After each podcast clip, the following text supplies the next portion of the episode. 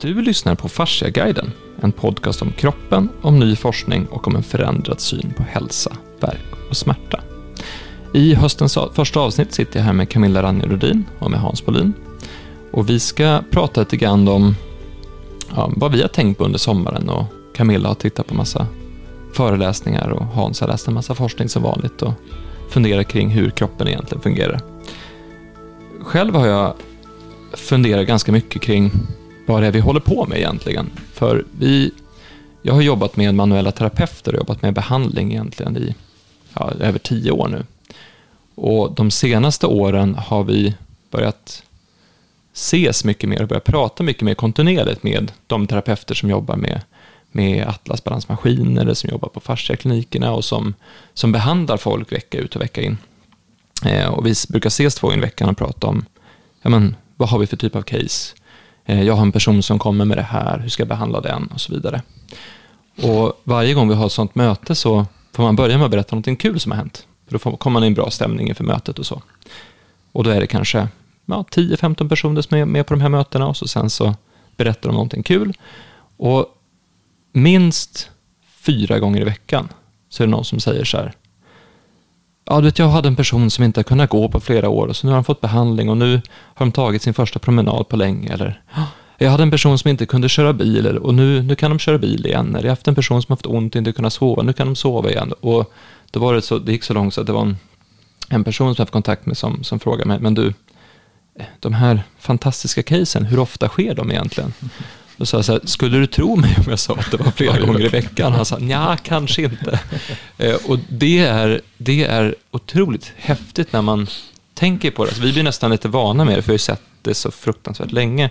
Och det är ju inte så, det är inte så konstigt att det händer om man tittar på kroppen på ett helt nytt sätt, som vi har pratat om i den här podden, att man faktiskt behandlar kroppen som en helhet, man tittar på flöden, man tittar på tryck och avlastning av tryck, man tar in hela människan, livsstilen, vanemönstret, kostmönstret, hur lever man, hur rör man på sig, man tittar på balans och hållning och så vidare. Därför tänkte jag testa en sak här. För jag satt tillsammans med, med Per Johansson och vi pratade lite grann om vad är det vi håller på med egentligen. Så. Mm. Eh, och alltså, vi satt privat och pratade med honom.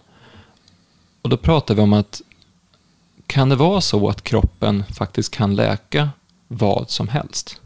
Kan kroppen läka vad som helst, bara förutsättningarna är rätt? Så kropp, kroppen kan läka vad som helst, bara den har rätt förutsättningar. Och det påståendet tänkte jag vi skulle testa idag. Titta på, igen, vad är en kropp? Vad är läkning?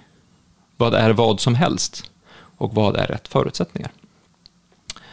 Och då, Camilla, så skickade du mig en, en definition av fascia från, från Orsman 2000, från 2000.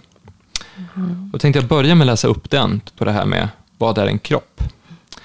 Eh, och så ska du få försöka förklara den här, för det är lite, det är lite småkomplext, även om det låter ganska fantastiskt. Vem är Orsman? Får förklara Ja, du kan förklara vem Orsman är först då. Ja, James Orsman är en eh, forskare från USA. Jag vet vem han är i ja. Då kan du förklara vem han är. Han, han, han forskar ju, eller håller ju på mycket med, med energier i kroppen. Och han, han var vän med, med eh, Albert Kent Görki. Den mannen som fick Nobelpris för att uppfunnit C-vitamin. Och eh, de blev egentligen vänner på slutet innan eh, Görki dog. Han dog i slutet av 70-talet tror jag. Och, eh, för att eh, eh Orsman var på en föreläsning av honom i, under 70-talet. Där eh, det var Alberts sista föreläsning om proteiner. För han hade uppfunnit eh, eller hittat att proteiner leder ström. Alltså Albert Görke hade hittat det. Att proteiner leder ström. Och det, kroppen är ju full av proteiner. Så han höll på att liksom forska på kroppen. Kollagen. Ja, kollagen är ju protein. Är kroppens vanligaste protein. Och då, när han pratade om det. Så han hade skrivit en rapport om det redan 41. Men då blev han motbevisad. För det var ingen som trodde på honom. Och då visade det sig att de som eh, då hade motbevisat honom. De hade tagit proteiner och dehydrerat. Alltså tagit bort vattnet. Och då fick de ingen ström genom proteinerna. Och det, det är klart, allt, det, det, det sa han då, det, proteiner är beroende av vatten för att kunna leda ström. Och allting är beroende av vatten. Hela livet är beroende av vatten. Och det är alltså, den, ju torrare vi blir, ju sämre leder vi den här strömmen. Och alltså fungerar kroppen mycket sämre ju torrare vi blir. Men vad jag skulle komma till var att, att Orsman då var på den här föreläsningen utav Görki eh, 76 eller något. Och eh, när han berättade om det här så hade Orsman rest sig upp efter och frågat, tror du att det är det här som händer i kroppen, i kroppens bindväv? Och då hade Görke svarat att det där är, det vet jag inte. Men jag har fullt fokus på att försöka förstå de små detaljerna. Det här kan du ta reda på. Så han skickar stafettpinnen vidare till, till eh, Orsman. Mm. Och det är det Orsman har pysslat med. Han har liksom försökt koppla ihop fascia, alltså bindväv, fascia, hur kroppen fungerar och eh, med elektroner och energier. Så mm. han är mycket inne på energimedicin. Han skriver böcker om energimedicin. Och hela kroppen är ju alltså uppbyggd av energier. Och han, han menar ju också att alla bilder som finns i anatomiböcker fortfarande än idag. Det här är alltså, han pratade om det här nu senast var det ju bara i fredags tror jag. Som jag lyssnade på en föreläsning med honom. Eh, och han menar på att de, alla böcker, fortfarande än idag så ser man celler på det här traditionella sättet. En cell och en cellkärna och sen är det några liksom, organeller. Och sen utanför där så går det eh, eh, stråk av kollagen och, och bindväv, ett nätverk. Men det finns ingen kontakt mellan. Och hans bild utav hur kroppen fungerar. Det, ja, du kanske ska ta den där. Jag kan, jag kan läsa upp den. eh, definitionen först. då först. Men, ja. men alltså att allting har kontakt. Ända utifrån huden och utanför huden då med, med elektroner. Men framförallt det här kollagennätverket. Och att eh, vi har ett nätverk. Så sen är det kanske inte kollagen ända in i cellkärnan.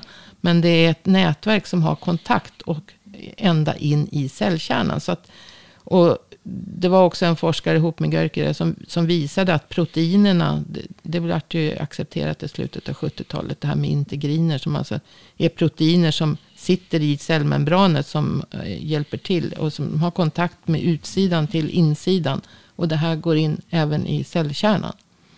Så att ända in till DNA så finns det alltså, och det är samma grundsubstansen då som, som eh, vi pratar om, den här flytande delen utav fascian, som Orsman också pratar om. Grundsubstansen finns ju också ända in i cellkärnan. Det är samma komponenter. Så att det finns ingen, det finns ingen begränsning och det finns ingen början och slut, utan allting hänger ihop. Jag kan ju säga det att för de lyssnare som inte har hört och vill fördjupa sig i eh, det här med hur laddat allting är, det här med hur, hur mycket elektricitet det faktiskt finns, eh, så kan man lyssna på avsnitt 21 av Farsaguiden, för då pratar vi just om, om hur laddat allting är. Man kan även lyssna på avsnitt 5 som, där vi pratar mycket om, om vatten, som vi säkert kommer att ta upp mer i dagens avsnitt också. Men, men det som är häftigt med ur ett forskningsperspektiv, det som är intressant med både elektricitet och vatten i förhållande till kroppen, är att det är så stora ämnen att man nästan har liksom lagt dem åt sidan. Alltså, mm. Vatten är så komplext. vi, mm.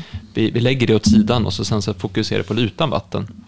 Och därför är det inte så konstigt att man gör sådana experiment som du pratade om med, med ett dehydrerat protein. Att man tar bort vattnet. Mm. Men så fort du tar bort vattnet så sätter du också proteinet i miljö som, är, som inte är den miljön som är i kroppen. Precis. Och då är frågan, vad studerar du då egentligen? Precis, och det, det, um, det pratade Sharky, och John Sharky också på den här föreläsningen om eh, någon av dagarna.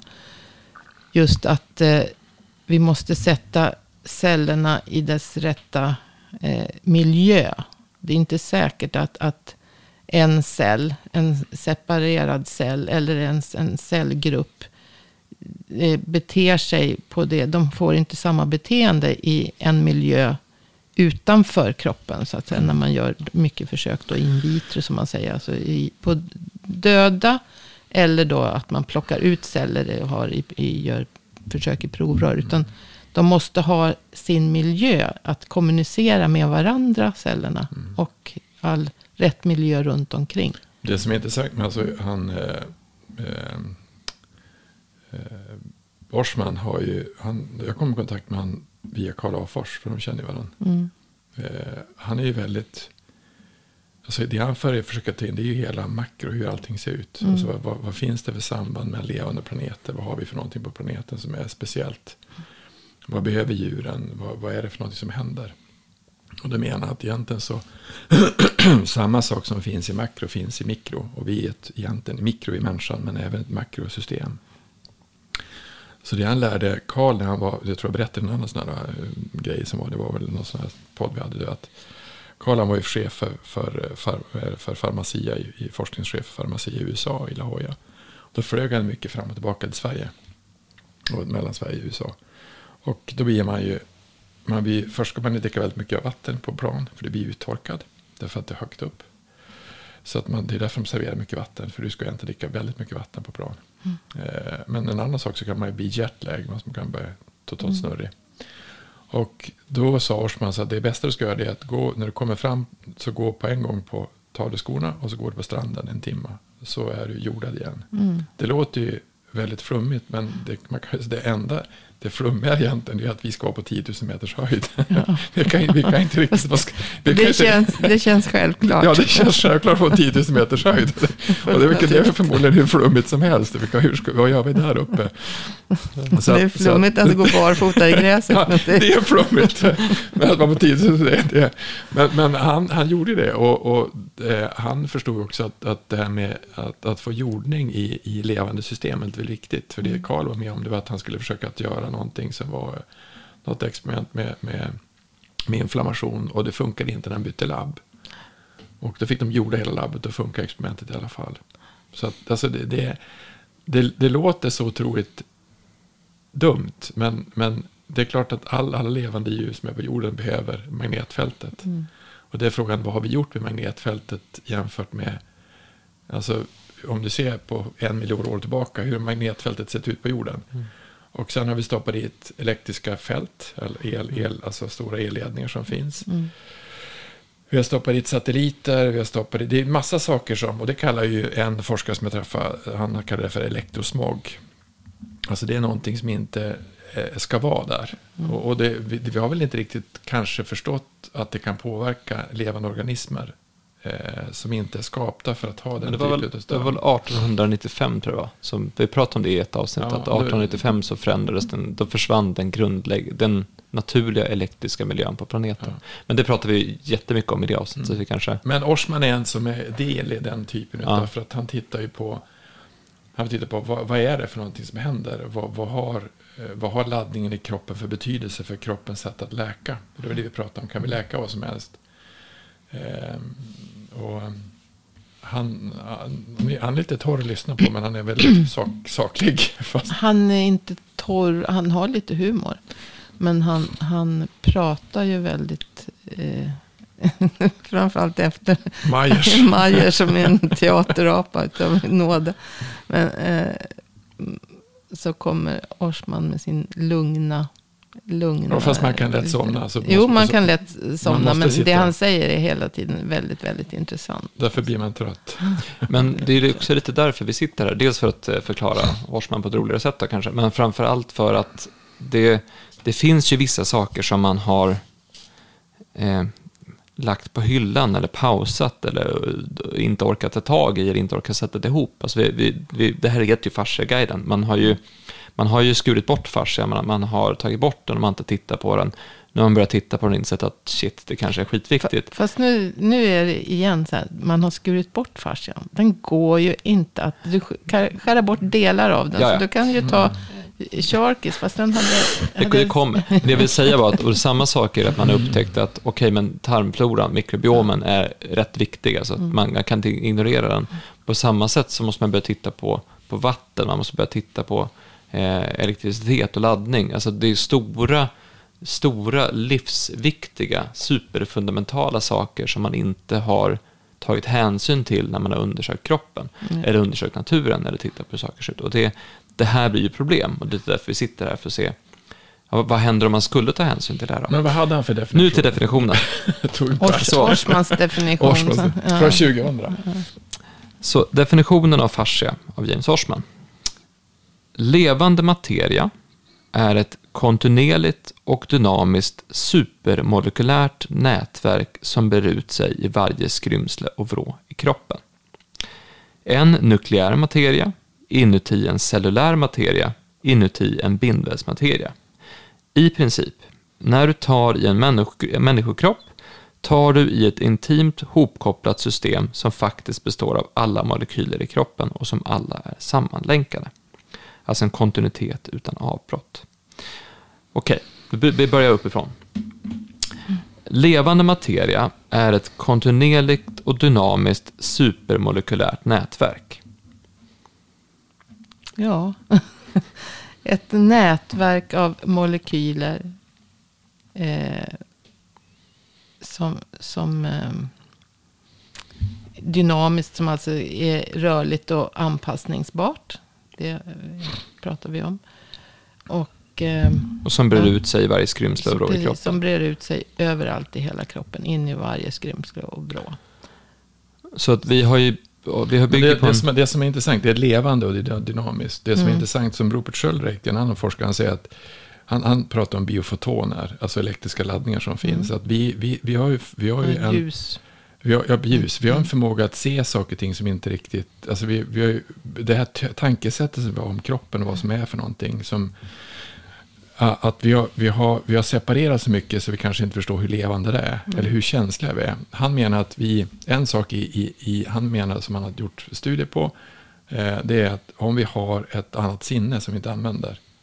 Alltså ett, ett, ett, ett annat sinne. Som, han menar att vi evolutionsmässigt så har vi ögon i nacken. Vi har, vi har förmåga att känna fara. Mm. Om det kommer någonting. Och det är ganska långt bort.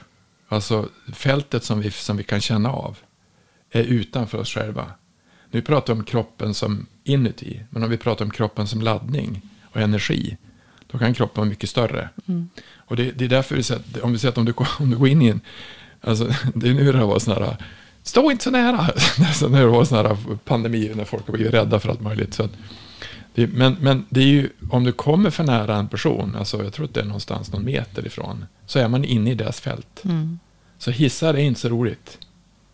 Eller hur? Mm. Ja, det kan vara så stelt i hissar. Det blir jättestelt för att då är alla inne i varandra. Och det här på något sätt, det här, det här har vi glömt bort. Att, att det är så, att vi är den typen utav, utav känsliga individer. Och om det är så att vi kan uppleva saker och ting lite andra på ett annat, lite längre ifrån. Då är vi ju inte begränsade i kropp, kropp och kött. Mm. Då är vi begränsade i energi. Mm. Och det, det, det är så intressant att vi kan ju säga, vi kan höra på tv, ja, men jag var, jag var, jag var lite låg igår så det gick inte bra att spela. Men nu, nu har vi bra tändning i laget så alla är, på, alla är full energi. Mm. Så vi pratar om energi, vi pratar mm. om laddning, vi pratar om, om, om att vara i flöde. Vi pratar om energi. Mm. Men vi ser att vi är inte det. Det är jätteintressant. Vi pratar om energi mer som att vi har fått i oss tillräckligt med näring för att liksom Ja, men alltså, du, kan, du kan ju ha någon som säger men han var full av energi. Och det, mm. ja, ja, du ska träffa han, han är, han är, det är en jätte, mycket mm. energi han har, full rulle. Och det mm. ser man barn, det ser man. Men vad är energi? Vad är det att vara full i energi? Vad är det att vara låg i energi? Och hur långt ifrån, hur långt ifrån oss själva vi kommer när vi pratar på det sättet. Mm. Vi pratar om saker och ting som egentligen är helt naturligt. Mm. Men vi förstår inte vad det är för någonting. Mm. Det som Orsman egentligen har gjort är att han har försökt att titta på vad är det som påverkar energin i kroppen? Och hur kan vi, hur, vad är det som händer? Det han skrev, jag tror att första Första grejen som jag tror att jag refererade till någon sån här podd det var att han skrev egentligen om, om att det finns laddningar i fascian. Det finns mm. minne i fascian. Om, om, om, vattnet har minne, vilket det har, mm. så, kan, så inte, då sitter inte minnet ut i... Minnet säger det sitter i huvudet. Men vänta, sitter i huvudet, sitter utanför huvudet. Har vi, lagar vi saker utanför i sfären? Eller lagar vi saker i, inuti kroppen? Mm. Men det finns ju två, två problem här i vårt sätt att tänka. Det ena är att, och det har vi varit inne på flera gånger, men det kan vara värt att upprepa. Eh, det ena är att vi, vi är otroligt tränade sen barnsben, sen vi började gå i skolan, sen våra föräldrar där. Så vi, vi har börjat, jag tror, tränade i att separera på saker. Mm. Att se hur saker är separerade istället för att se hur saker sitter ihop. Det andra är att vi har lärt oss att inte lita till våra sinnen på ett sätt att vi tror bara på det vi kan se. Vi har väldigt svårt att tro på det vi inte kan se. Det är därför det är så... Det är svårare att känna, ja. Ja, det är därför mm. det är så viktigt, sådana här visionärer eller sånt har så viktig roll, för de måste så måla upp en bild av en framtid vi inte kan se, och den kan vara väldigt svår att tro på. Mm. Ehm, och för vi har verkligen tränat oss till att inte... Alltså, vi, alltså ögonen och, och händerna, alltså inte ens händerna, utan framförallt ögonen, vi är väldigt ögonfokuserade. Eh, vi är inte lika tränade på att, att, känna med kroppen. För med händerna kan du känna saker. Du kan känna hur eh, någonting är spänt eller hårt eller mm. mjukt eller sådär. Men du kan också känna med nu låter det flummigt igen. Du kan känna med hjärtat, du kan känna med magen, du kan känna med, med eh, energifält, hur folk rör sig in Och det här är ju inte någonting som, som västerländskt vetenskapligt inte finns. Det är bara någonting vi har tränat oss till att inte använda eller tänka på. Mm. Men du kan ju få en känsla för hur en annan människa mår när den personen går in i mm. rummet. Och den baseras ju inte på vad du ser om deras kroppsspråk. Den kanske snarare baseras på vad du känner av någon form av någonting annat som är svårt att ta mm. på. Och det här blir ju... Det här gör att vi blir väldigt begränsade i vårt sätt att tänka på hur vi fungerar. Mm. Att vi inte eh, tror på det vi ser på. Mm. Men det är ju det som Orsman har gjort här som är så intressant, att han tittar på, okej, okay, alltså, om det är ett kontinuerligt och dynamiskt supermolekylärt nätverk som bryts i varje skrymsel och vrå i kroppen och levande, för att någonting levande sitter ju ihop. Det har vi också pratat om med Per någon gång mm. tidigare, att, att jag, vi allihopa här är ju del av, vi andas ju in samma luft mm. som faktiskt fysiskt flödar genom våra kroppar. Mm. Och nu andas jag ut och den luften kommer du andas in sen, så att vi sitter ju ihop på, på ett väldigt starkt Och jag sätt. menar, skulle vi se alla mikroorganismer som fanns, då tror jag vi skulle bli skiträdda. Ja. Alltså jag, såg, jag såg ett program som var om, om alla mikroorganismer som fanns på huden. Alltså vi är helt, man blir, de ser inte kloka ut. Alltså det, det är en helt annan värld. Du vet du väl hur man har visat att sängen ser ut? Ja, ja alltså, oh. så, ja, men, och, och, och, och det, det, det är nästa grej, vi är också jag, rädda alltså, för det vi på se. sängen, så det var, alltså, våran, alltså våran katt, den som är överallt. Hon går ju, Lotta har ju skaffat en sån här kattlåda till henne. Så hon, hon, kört, och väcker varje morgon för då står hon och trampar den där jävla katten. Ursäkta om jag svär, man ska inte göra det. Men så trampar hon i kattlådan. Och sen hoppar hon upp i våran säng. Alltså det, jag, jag har sagt, och Lotta tycker jättemysigt att ligga. Undrar hur mycket skit hon drar in den här katten. Nej, men det, vi är väldigt fokuserade på vad vi kan se och inte kan se och vi är väldigt svårt att tro på det vi inte kan se. Och samtidigt är vi också rädda för det vi inte kan se. Mm. Vi tycker det är äckligt med saker vi inte kan se eller vi tycker det, det okända har vi lärt oss är någonting farligt. Mm. Eh, och det finns ju säkert någon, någon, förklaring till det också, det kanske får bena in en annan gång. Men, men det intressanta blir när vi plötsligt börjar förstå att allting sitter ihop. Men om vi tar del två det här, därför det här var ju lite mer komplext då.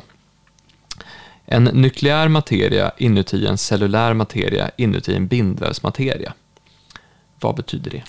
Det var ju precis det jag försökt förklara förut då. Att nukleär materia, då, då han, eller menar han ju, han syftar ju på cellkärnan. Och att den har, är omgiven utav cellens materia. Som i sin tur är omgiven utav bindvävens materia. Men att det här är samma materia som har kontakt in. Samma kommunicerande med, system. Ja, samma kommunicerande system. Och det är alltså, om man nu ska tänka på de fasta delarna som kollagentrådar, så, så går ju de in i, i, genom cellmembranet och håller fast i cellen. Och, och sen fortsätter det trådar inuti cytoplasman, alltså cellplasman. Och sen de fortsätter in genom kärnans membran och in mot det, till DNA. Så att, och det är samma, det är vätska i, i alla delarna. Och det är samma vätska i princip som flödar. Och det är samma sak med, med hjärnan och, och ja, det vi kallar för cerebrospinalvätska. Så att säga, I ryggmärgen. Det, det är samma flöde av väx, mm. vätska. Och det finns kontakt, alltså det är fascian som går in även i ryggmärgen och i hjärnans hinnor och, och så. Så att allting, vi kan inte separera delar från varandra. Och därav blir det så att när du tar då i en människokropp så tar du i ett intimt ihopkopplat system som faktiskt består av alla molekyler i kroppen och som alla är sammanlänkade. Mm. Och alla det, molekyler, det, kollagen är ju en jättestor molekyl. Och det, alltså det, det, allting i kroppen är molekyler, mm. och atomer och molekyler. Så det, som egentligen, det som är problem, det har du som du hade, det är att definitionen det var något tv-program som var på SVT som handlade om, om eh, kroppens internet och det var ja, nervsystemet. Ja, och, och, det är inte nervsystemet. Kroppens internet är ju det där. Mm. mm. Men, men det, alltså, vi har så lätt att, att bli fokuserade på att, att det är inte bara, alltså det är sam, en samverkan sam med, mellan nerver och, och blodsystem. Alltså, det, det, det, det, det, det, är ett sammanlänkat komplext ja, system.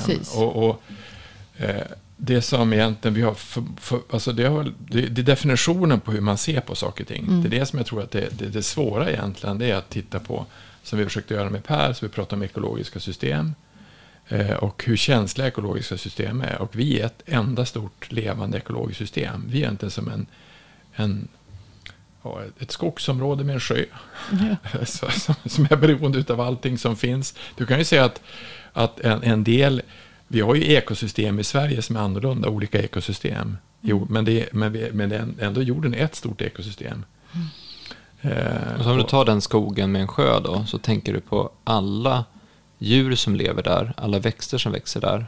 Och sen går du ett steg under och tittar på alla mikroorganismer och svampar och, och allt vad det är där. Och så sen så tittar du på allting som lever i den här sjön.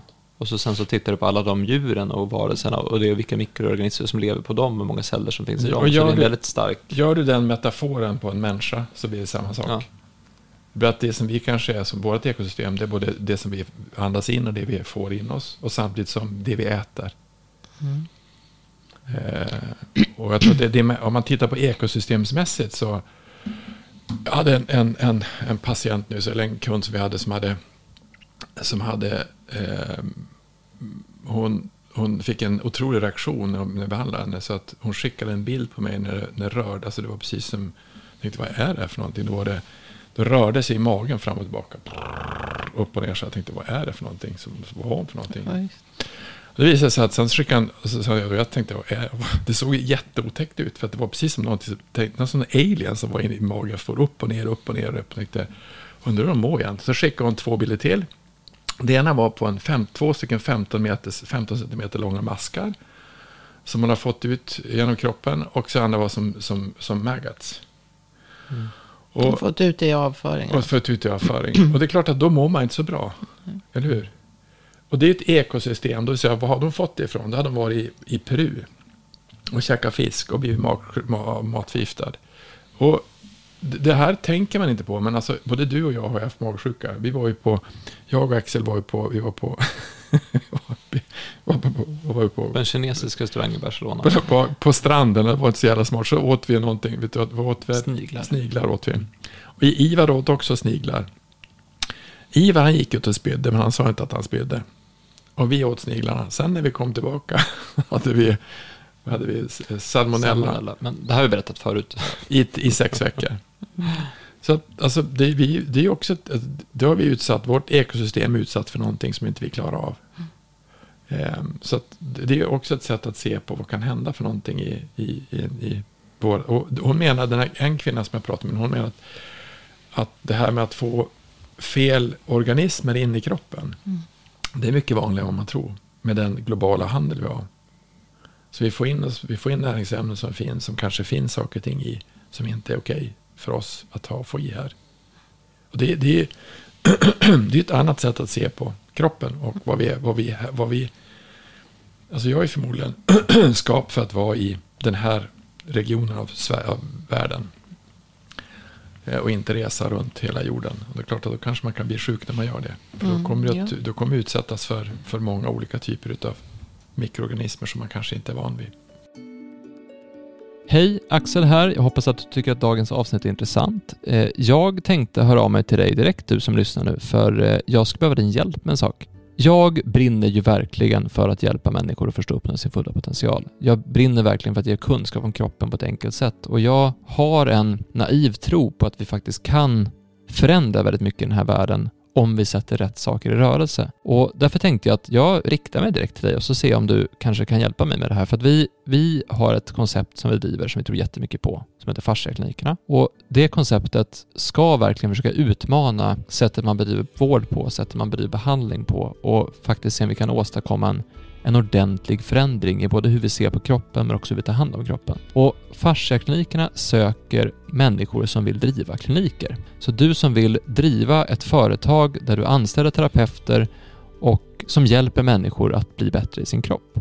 Och det är ett fruktansvärt eh, bra koncept. Vi har lagt ner väldigt, väldigt mycket energi på att ta fram det. Om du vet någon som är bra på att driva företag eller som vill driva företag och som samtidigt vill jobba med att hjälpa människor så får de jättegärna Gå in på fasciaklinikerna.se starta klinik och hör av sig till oss och gör en intresseanmälan. Och så tar vi det därifrån. Men då halkar vi in på det igen, för då, kan man nästan säga så här att vi, vi pratar om att, att kroppen kan läka vad som helst, bara den har rätt förutsättningar. Och vi har pratat om kroppen nu lite grann. Eh, och nu har vi automatiskt snubblat in lite grann på, på rätt förutsättningar, för det är kanske där man ska börja. Vad är kroppen och vad är rätt förutsättningar? För vi har ju pratat tidigare om hur vi, hur vi har en kropp som dels har den här, den här historiska utvecklingen av allt jag har varit med om, allt jag har tänkt, hur tankar påverkar kroppen och så vidare. Men vi har också pratat lite grann om det här med störningar i systemen. Och det är så mycket som vi utsätter oss för som vi inte tänker på. Där har du en typiskt sånt exempel att vi, vi faktiskt, vi får ju förmodligen i oss en bakterieflora från en annan del av världen hela tiden. Alltså när de, jag tittar på de de ekologiska svarta bönor som jag har i min chili con carne som jag ska äta till lunch idag, de är odlade i Kina. ICAs mm. ekologiska mm. svarta bönor. Det är så här, hur, hur gick det till? Mm. Eh, jag snickrade en massa IKEA-möbler i somras för vi håller på att bygga, bygga ett eh, skötbord till vårt barn som vi ska få. Och då såg jag att det var någonting som, det var någon del som var från Ryssland och så var det någon del som var från Mexiko. Så jag går till det, det, svenska företaget Ikea och beställer saker och sakerna kommer från Ryssland och från Mexiko. Klart de gör. Ja, men, man, men man, man tänker oftast inte på hur otroligt global den här världen har blivit. Alltså hur, hur, hur mycket varor och saker som åker fram och tillbaka. Mm. Ehm, och vad det gör med, med vår, alltså vad, vad innebär det för våra förutsättningar? För där, där har vi ju eh, en sak som jag har pratat om när det kommer till, till förutsättningar, Camilla, är det här med oxidativ stress. Så vad är det som orsakar oxidativ stress? Du var också inne på någonting nytt där från, från Orsman kring, kring, eh, kring sjukdom och oxidativ stress. Jag vet inte om det var Orsman. Orsman eh, hävdar ju att allt, all sjukdom beror på inflammation. Och eh, inflammation är kroppens svar på, alltså försvar, att försöka läka någonting. Eh, någon av dem också då säger att, att all sjukdom är egentligen ett överskott av oxidativ stress. Mm. Och oxidativ stress, alltså det, det är när eh, all ämnesomsättning i kroppen bildar ju då fria radikaler. Och, eh, som alltså saknar elektroner. Och som fria radikaler saknar elektroner och vill sno elektroner från andra ämnen. Och då kan de göra det från, eh, de kan förstöra celler, de förstör proteiner. Och, och liksom bryter ner saker i kroppen för att sno de här elektronerna. Eh, enkelt förklarat kanske. Men eh, vi behöver ju den här oxidativ. Den är inte bara av ondo. Utan vi behöver den för att eh, liksom, ta död på mikroorganismer. Och det är ett sätt för kroppen också att, att liksom försvara sig och bryta ner saker. Eh, men och cancerceller och så också kan, kan kroppen ta död på med hjälp av oxidativ stress. Eh, fria radikaler. Men det kan också skada om det blir överskott. Så vi har system i kroppen som, som neutraliserar den här oxidativa stressen. Som alltså ger ifrån sig elektroner och hela tiden läker de här fria radikalerna. Så att de inte hungrar efter elektroner hela tiden. Och den här balansen, när den blir ruckad. och det blir ett överskott av oxidativ stress. Så kroppens normala funktioner, eller även det vi äter via maten, ger ju då de här antioxidanterna som vi säger. Men kroppen bildar också egna antioxidanter som jag sa. Då. Men när, när det blir en, ett överskott på, av oxidativ stress och kroppen inte klarar av det. Eller vi äter så fattigt så att vi inte får i oss tillräckligt med antioxidanter. Då, då blir vi sjuka. Så att sjukdom är alltså övers, ett överskott av oxidativ stress. Och det, det, det kan, skapar inflammationer. Det kan, du också få, det kan du få mat också. Ja. Men det, så, det finns du kan ju... äta fel så att du liksom får eh, överskott av oxidativ stress. Det finns ju, vi har pratat tidigare om det, men det finns ju samhällen eh, historiskt sett och framförallt finns det också samhällen idag där man inte där man inte blir sjuk. Alltså där sjukdom är väldigt ovanligt. Mm. Man pratar om de här blå zonerna. Eh, och då finns det någon, på, någon i Italien, och någon i Grekland, och någon i Japan och någon i Indien och sådär. Eh, men det som, är, det som man oftast tittar på då är att man pratar mycket om, om eh, vad de äter. Och så sen så, men hur är den här maten bra? Så tänker man så här, ja, men bara jag äter som dem så kommer det att bli bra. Är det så? Men då har man inte heller kanske sett till då är, vi tillbaka till den här separerande eller förenklade bilden att man bara tittar på kost. Mm.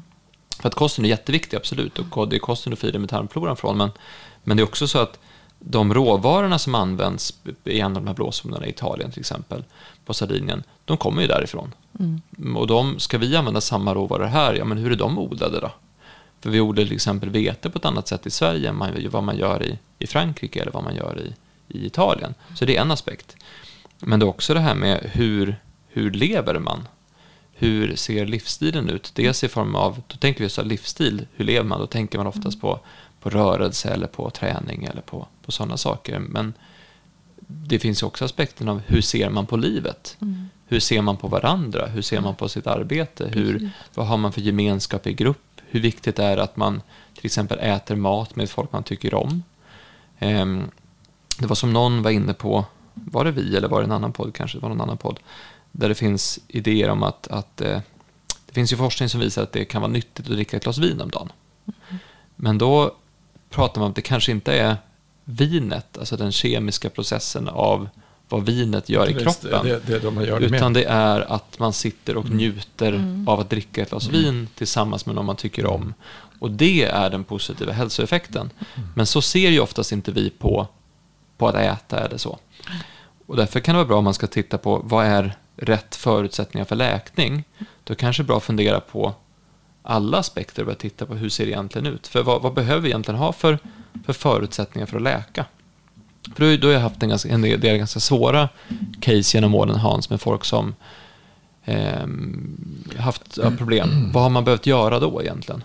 Så, alltså om jag tar en sak som, som drabbar, har drabbat ganska många som har, det är att de är utbrända. Det är rätt intressant hur man ser på en utbrändhet. För en utbrändhet brukar ta rätt så lång tid att skaffa sig. Alltså då, då har man kört för länge på. Och det, det, man har kört för länge på oftast det är att man har, man har kört för länge på någonting som man inte, som är för jobbigt. Alltså det kan vara personal som är för jobbig, det kan vara kollegor som är för jobbig, det kan vara, det är någonting som är för jobbigt. Men bara kör på. Det vill säga att man inte känner efter. Eh, och man stressar för mycket utbrändheten är ju det som händer då. Det är att då hela systemet har sagt ifrån. Alltså allt, mm. varenda, alltså hela, alltså det är egentligen så, du, du kommer till en situation som är, jag tror inte att ett naturfolk ska kunna få det. För de kommer att sova, mm. de kommer att ha sex, de kommer att kramas, de kommer att ha en beröring, de kommer att ha massa andra saker som finns. ute i naturen. Ute i naturen. Umgås, umgås på ett annat sätt. Mm. Men det här blir ju en, en, ett, ett ett helt annat totalt kaos. Svårigheten med att när man gör en sån sak det är att man har gjort det så länge så man tror att det är det man ska göra. Alltså det, det, det, det är ett beteende.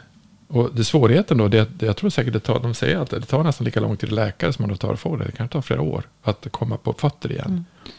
Men så fort du går in i det mönstret som du har gjort så kommer kroppen att slå tillbaka.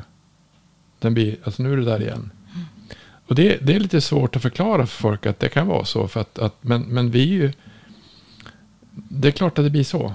Alltså därför, du kan inte läka förrän du börjar sova. Du kan inte läka förrän du har mindre stress. Du kan inte läka om du fortsätter att ha samma tankar om dig själv. Att jag duger inte, räcker till, att det är för jobbigt. Det går inte, det är omöjligt. För det är det som egentligen är 24-7 i huvudet på det. Och då tror ju folk att det har med... Alltså då säger de, är du, är, du psyko, är, är, du psykolog eller varför säger du så? Nej, men det är ju det som du har gjort. Det är ju det som du har hållit på med. Det är det som har gjort att du är sjuk. Och då måste du vända på alla stenar som finns och göra, alltså hitta en annan sätt att gå på. För just den här är stopp. Mm. Den finns, det finns ingenting i den vägen du har gjort. Ska jag byta jobb? Ja, det kanske du ska. Alltså du måste byta ett sätt att se. Du måste byta ett sätt att vara på jobbet. Du måste mm. byta ett sätt att se på din, fa, fa, din fritid. Du måste byta ett sätt att se på hur du tänker. Du måste hitta ett annat lugn. Och, och, och ja, men jag är helt slut. Ja, men lägg dig och sov då. Mm. Ja, men vad ska jag säga nu? Ja, stig upp när du är pigg igen. Alltså, då får man göra, man får göra något annat. Och det är det som är, och gör man inte det, så de som, de som har fått det här, de, har inte bara, de som har blivit utbrända, de har inte bara det, de har något annat också. Och något annat också.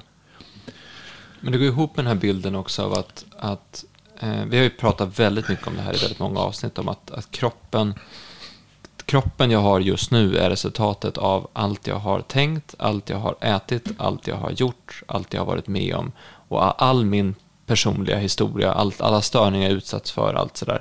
Så att jag är ju ett resultat av mitt liv. Mm. Och då är det fortfarande många som tänker att nu fick jag ont, då ska jag bara ta någonting så att jag blir frisk igen och sen kan jag fortsätta på samma sätt.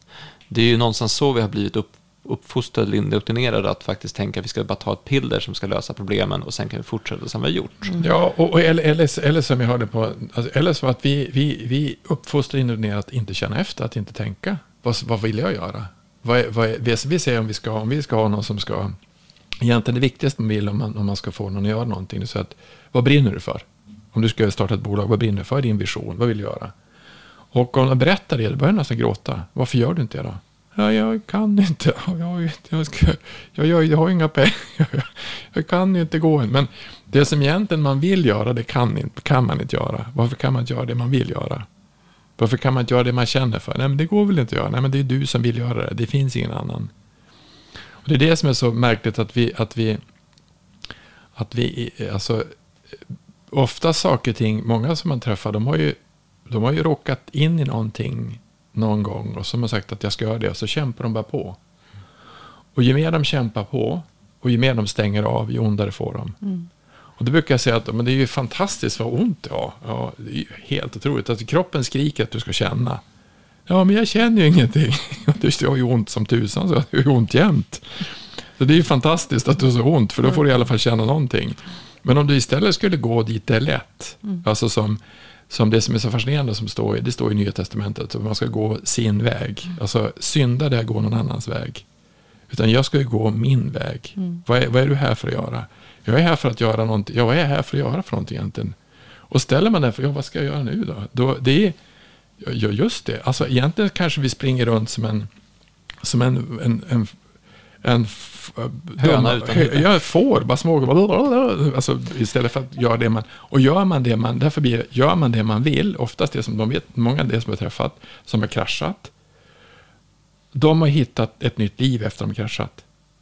Ja, för precis. Det var det jag skulle komma till också. Att det, som är, det som är häftigt med de här casen som jag har stött på mycket av genom åren, det är att oftast är det någon som har, har väldigt, väldigt ont och har kommit till en punkt att, att eh, ja, men det här det, det, går inte längre. Alltså nu, nu, nej, men, nej, men nu, nu är det, det var som, som en, en god vän som heter Margareta som jobbar på eh, fasciakliniken i Växjö. Hon sa det att när jag, när jag är frisk så vill jag en massa saker. När jag är sjuk så vill jag bara en sak. Bli frisk. Och det är ju, du får en annan typ av, är du riktigt sjuk eller har riktigt ont så får du en annan typ av perspektiv, en annan typ av prioritering. Mm.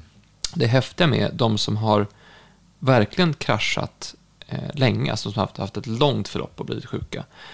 För många av dem kan det ta väldigt lång tid att komma tillbaka och det kan framförallt krävas ganska mycket jobb, eller disciplin, eller förändring av rutiner, eller förändring av kost, eller förändring av varumönster, eller tankemönster.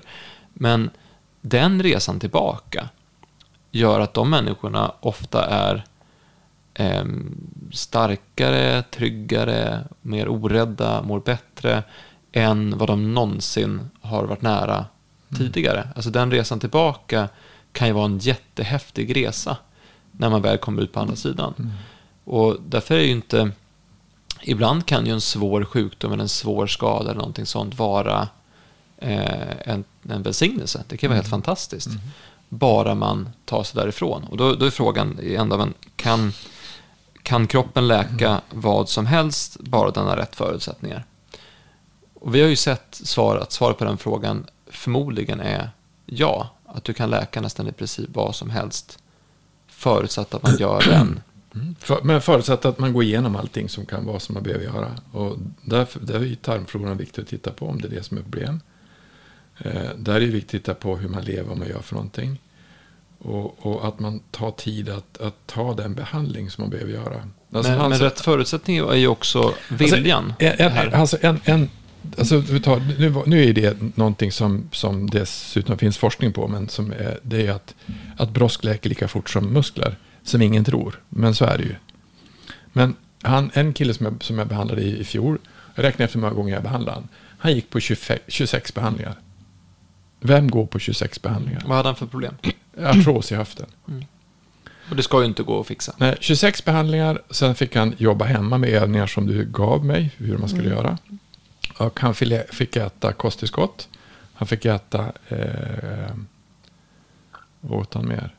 Han tog bort koll. Hydrauliserat, kol, Hydrolyserat kollagen. hydrauliserat kollagen för att bilda brosk. Och så tog han bort socker från kosten. Va? Ja, han slutade dricka vin, eh, han slutade dricka alkohol. Han, han vände upp och ner på hela sitt liv.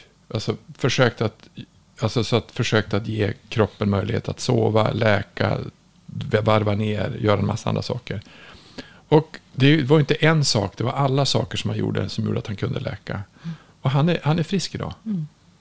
Han behöver inte operera sig. Han kan gå, han har, han har inte ont längre. Det var, det var ett halvår ungefär va? Ja, det, det var ett, alltså ett halvårsbehandling. Men, men ett halvår är inte så lyck, alltså det är inte lång tid egentligen. Om man tänker på att man kan, eller hur? Det, är inte, och det, det går inte att läka egentligen. Men jag tror att man ska se, mer se på vårdprocessen som är kanske mycket längre än vad man tror att den är.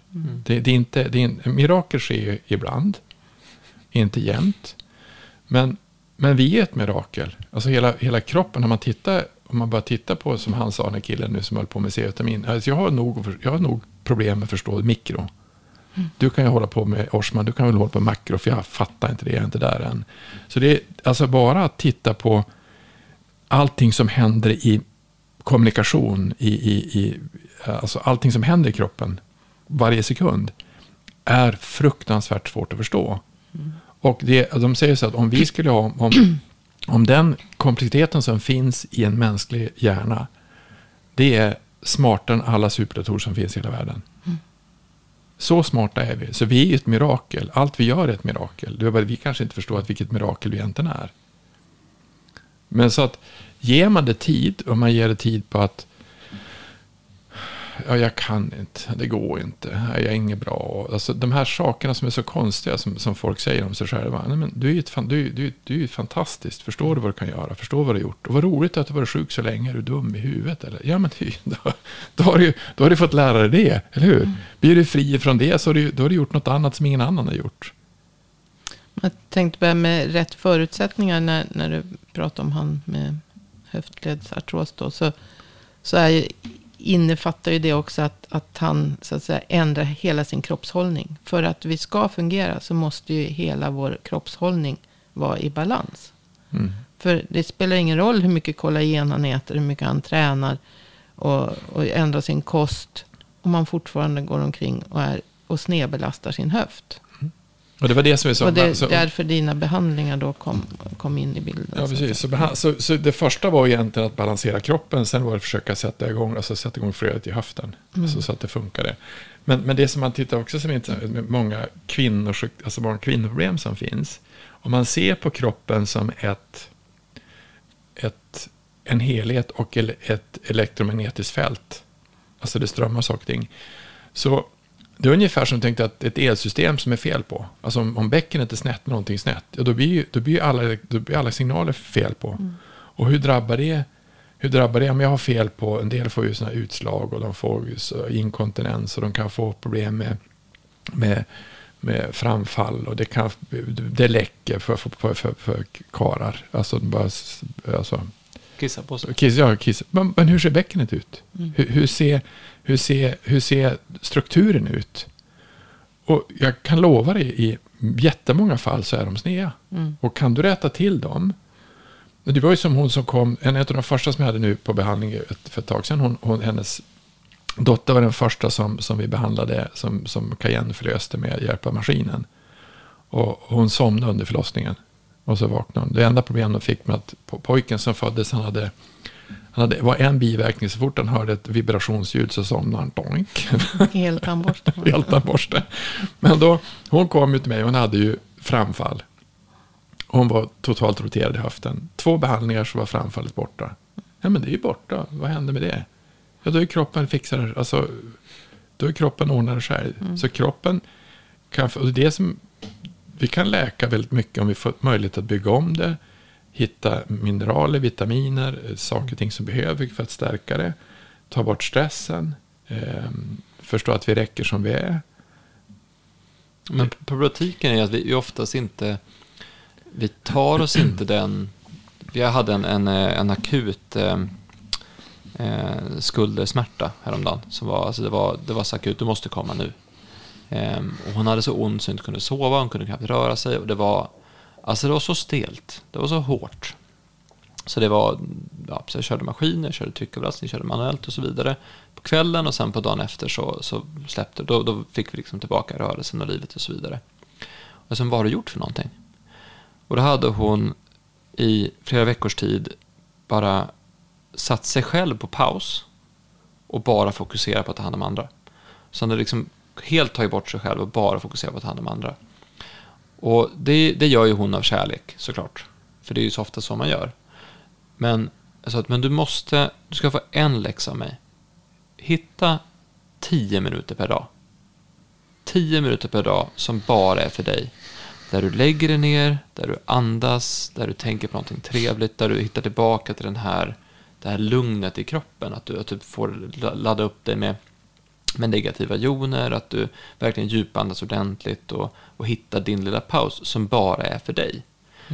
Och så gjorde hon det i två veckor och det funkade. Då, då kom det inte tillbaka. Då gick det på ett annat sätt. Alltså bara för att få, få hitta den här stunden. Men den stunden, hur många är det som tar sig den? Hur många är det som, som faktiskt tar sig den här pausen som bara är för mig och för att jag ska få återbygga mig för att det är för min kropp? Och det är också det här med rätt förutsättningar. Hur fortsätter vi leva? Hur fortsätter vi göra? Hur fortsätter vi agera när vi, när vi, när vi håller på? För vi kan ju så lätt bli inne i saker att vi fastnar i det. Um. Svårigheten, det är, svårigheten det är att, att man... Att, jag tror att det som vi har försökt göra nu när alla kommer så, så har de ju fått berätta en, en hälsodeklaration. Hur mår de? Vad har hänt? Alltså vad är det som har hänt? Vad, vad, vad de varit med om? Det kan ju vara, man kan gå tillbaka till, till, till nästan de var barn. Och se vad det är som har hänt. För jag tror att oftast finns det en orsak till någonting som har blivit snett. Redan i livmodern. Kan, kan till och med redan i livmodern kan det vara. Nej men det kan, vara, det kan faktiskt vara Ja, saker nej, som har alltså, det var inget skämt. Nej. det, det kan, nej. vara, det kan vara saker som har hänt även vid förlossning. Ja, men eh, och i, under, Under, ja, under, under, hela graviditeten. Under graviditeten ja. också. Så att, så att eh, eh, för livet är komplicerat och känsligt. Så att man, om man ser det på det sättet, jag tror att det är det som inte vi riktigt förstår hur komplicerade vi är och hur mycket, mycket, mycket saker som kan hända och som kan påverka oss. Eh, Och att vi inte bara kan stoppa i oss kemiska nej, nej. läkemedel för att få bort symptomen, för att få bort smärtan. Smärt, smärtan är ju ett sätt för kroppen att säga att nu är det nog. Mm. Nu måste du sluta med det här. Ja, exakt. Just den där rörelsen eller Mm. du måste, du måste ta tag i det här. Men jag tror att också det som är det, som är det, det, det, det svåra egentligen som är med det här det är att det är, vi är uppfostrade för att kämpa. Att man, man får ingenting gratis. Mm. Jag tror att alltså, Jesus han säger det till någon lärjunge. Han säger att "Var- varför har ni inget tro? Om ni hade tro som ett senapskorn skulle ni kunna göra precis vad som helst. Mer än vad jag kan. Jag kan flytta på allting. Och som du tittar på vad, kropp, vad jorden egentligen är för någonting. Så det är väldigt mycket. Det säger man, alltså, mycket, hur mycket sitter ihop egentligen. Det är, alltså, det är så, det är så stor skillnad mellan allting som är. Det är allt är ju bara, nästan bara tomhet. Men alltså att om ni hade tro som ett senapskorn skulle ni kunna göra vad som helst. Sen, varför, varför, tror ni att, varför tror ni att jorden kan föda alla fåglar, och allting som finns? Att det finns mat för allting. Men att ni ska behöva kämpa för saker och ting. Metaforen som man hade i, i, med, i Gamla Testamentet var så att ja, vi får ingenting, vi får ingenting. Om då ska vi se, då ska jag be, ska ni få manna ifrån himlen. Ni ska till och med få mat ifrån himlen. De trodde inte på det heller. Så att vi är ganska svaga i tron på oss själva. När vi egentligen, när vi egentligen är, har förmåga att nästan göra vad som helst. Och det som är häftiga är att alla som föds på jorden är unika. Det har aldrig funnits någon som kan se Gud som jag gör. Ingen som kan tänka som jag gör. Ingen som kan prata som jag gör. Ingen kan uppleva det jag gör. Någonsin, någon gång. Och när vi förstår det, att vi är 99,9% lika fast allting är unikt. Det är ett helt annat sätt att se på sig själv. Ja, vad häftig jag är. Eller hur? Vad fantastiskt det är. Och det, det, kanske det mesta, det mesta som vi gör det är att vi, vi går runt och ska vara kopior på någon annan. Mode, utbildning, jag gör som han, jag gör som hon. Istället för att göra det jag är här för att göra, att gå min egen väg. Och går man sin egen väg, då brukar man kallas för unikum. Eller original. Eller hur? Men det är kanske det vi är. Alla är original. Mm. Eller konstig. Eller, eller konstig. eller konstnär kanske. Eller något annat tokigt. Så, Aha, så, jag... så, kan kroppen läka vad som helst då? Bara för, för rätt förutsättningar? Jag tror att den kan läka väldigt mycket. Jag tror att det kan ta, jag tror att det, det är inte mirakel, det kan ta lite längre tid. Det är ett mirakel om det läker. Jag tror att du sa, om du sa, du hade väl hört om det här med sår som finns inne i kroppen. Jag hade en, det finns ju lika mycket sår i kroppen som det finns utanpå kroppen, eller hur? Mm, mm. Och det blir R kan vi prata om en R, annan gång. R kan vi ta på en Men jag hade, alltså, men det kan ju, alltså, så jag hade en kvinna som kom till mig, en ung flicka som hade blivit 14 år gammal, som hade opererad för, jag berättade det? Nej. Kanske. Ja. Hon hade fått operation i blindtarmen. Blindtarmen, när jag opererar blindtarm, vad tar en blindtarmsoperation? Kvart. Det, upp och så, sen så snittar de och så tar de bort blindtarmen. Nu gör man det med titthår. Mm. Och då hade den, den blindtarmen kan ligga under en tarm. Så att de hade inte hittat den. Och sen är de gräver då. De är inne på, jag tror det är tre olika håll eller fyra olika håll och gräver. Det blir ganska mycket sallad där nere då. Om man kör runt i, i fascian. Så att hon hade ju, hon hade ju kroniskt ont. Men om man förstod hur komplexiteten var, hur mycket, vad den här vilka snurr, trådar de hade mycket, dragit i? De hade dragit trådar ifrån mm. axlarna, ifrån, mm. det var ju överallt ifrån. Och det gällde att släppa trycket på de trådarna som fanns. Och det är inte Tror lätt. man att det är tomt där mellan tarmarna? Och... Det, är inte, inte, det är inte tomt, det är mycket grejer som helst. Men jag låg, när jag höll på henne då, alltså jag höll, och så tryckavlastade på olika ställen som var. Mamma trodde jag var helt knäpp. Men, men, men hon, det släppte ju efter, efterhand. Mm. Därför att det var ju saker som kroppen hade svårt att, att ta bort. Mm. Därför att vem är och gräv in i tarm, vem är och gräv in i, mm. där inne. Så att titthår kanske, det, det är ett intressant fenomen. Men vad gör man med bindväven när man är inne och kör där? Mm. Nej, men det, det är spännande du ringer upp. Jag ska, jag ska ge mig kast med en, eh, med en hälsporre nästa vecka. En sån här problematisk hälsporre. Eh, och då tänkte jag, ha, jag har faktiskt inte gjort det förut, behandlat en hälsporre, så ska jag testa det. Och då, då gick jag in och kollade, dels smsade jag till Ivar och så, så hur gör man då? Ja. Och sen så gick jag in och kollade i vår Facebookgrupp där alla alla som jobbar med maskiner runt om i, i Sverige har skrivit. Ja. Så här, söker man på Hälsborg så hittar man liksom 40 olika case. Okay. Ehm, och de flesta säger att ja, men hälsporre, det är hälen, det är under foten, det är vaden, det är definitivt upp, ända upp i bäckenet. Mm. Och så var det en annan som skrev att ja, vi hade på en användarträff så behandlade vi en hälsporre och det var först när vi släppte på en knut under skulderbladet som hälsporren släppte. Mm. Så. Vad var, var det, när hade gjort det? Det var nog, det var nog tre, fyra år sedan, säkert, säkert du eller Ivar eller någon. Men, eh, men det är häftigt just hur, hur det kan sitta ihop på så många olika ställen. Och jag tror att det är där man, man någonstans, vi har en tendens att verkligen underskatta kroppen. Och en av mina största aha-upplevelser, eh, jag har ju två sådana extrema aha-upplevelser från när vi, när vi har tagit fram utbildningarna. Den första var ju med dig Camilla, när du förklarade någon process i kroppen på molekylär nivå. Jag tänkte så att jag kommer aldrig någonsin förstå kroppen intellektuellt, så det är lika bra att jag, jag bara litar på att den här vet vad den håller på med. Eh, den andra var när jag eh, när jag, när jag var på utbildning med Åke och så förklarade han olika typer av sjukdomstillstånd och var de kommer ifrån. Och då var det just, men vad är artros? Alltså vad har hur har artrosen skapats? Och det är ju en, en en långvarig snedbelastning som har gnagt bort mm. det som ska vara, vara där. Och, så det är kroppen som har skapat det. Och det har ju tagit tid.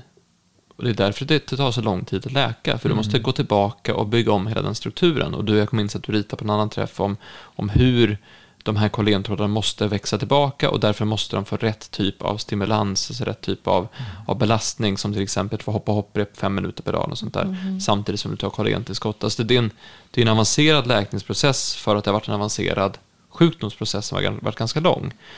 Och vi har, en, vi har kontinuerligt underskattat hur avancerad, komplex och intelligent kroppen är. Mm. Så min största insikt är ju att... att eh, ja, eller, eller kanske inte. Alltså, kroppen är, alltså, det, jag tror mer som Heikki Jäger sa, att den är avancerad, men den gör väldigt enkla saker. Den ja, men den har koll på läget. Den, den, den, den, den kör igång processer, men om inte de processerna funkar, då om man då rättar till allting, då kanske, då kanske processerna funkar och stängs av. Mm. Och kroppen har förmodligen, om jag skulle lyssna mer på min kropp skulle jag förmodligen lära mig mer om hur livet fungerar än om jag lyssnar mer på mitt huvud. Förmodligen. Mm. Och att de sitter ihop. Ja. Precis, apropå separation. eh, Sharky sa en sak som faktiskt var väldigt tankeväckande nu på det här seminariet. Eh, så pratade han om att alla pratar om att stretcha. Mm. Eh, för det första tyckte han inte om slide, glide and slide. Glide kan jag gå med på, sa men inte slide. För att om kroppen slirar, då, eller så, så, då, då är det något som är fel. Det, det ska glida för att minska friktionen. Mm. Men, men vad han pratar om, att, att, att stretcha vävnaden. Vi stretchar inte vävnaden, sa han. Stretchar man någonting, då går det sönder. Mm. Går i ytterlighet. Men vad som händer, han pratar mycket om biotensegrity, det var mm. mycket biotensegrity på den här kongressen. Eh, vad som händer, vad man istället ska säga, vad som händer när du så att säga stretchar en, en vävnad. Är ju att du, du formar om den. Du mm. ändrar mm. formen. Mm. För att om du, om du har en sån här biotensegrity-modell. Mm. Visar andra modeller som var vikta papper och så och, och drar i den. Det är ju ingen av delarna så att säga som, som eh, ändrar form. Eller, eller som, som stretchas ut. Utan det är samma. Allting sitter ihop. Eh, allting, mm. det, det, är samma delar. De bara ändrar form. Mm. Jag sa fel förut. Men alltså de stretchas inte ut utan de bara ändrar form. Så, så att kroppen är ju sammansatt utav alla de här mjuka och hårda elementen då, som vi pratar om i biotensegrity. Fast, eh, ja.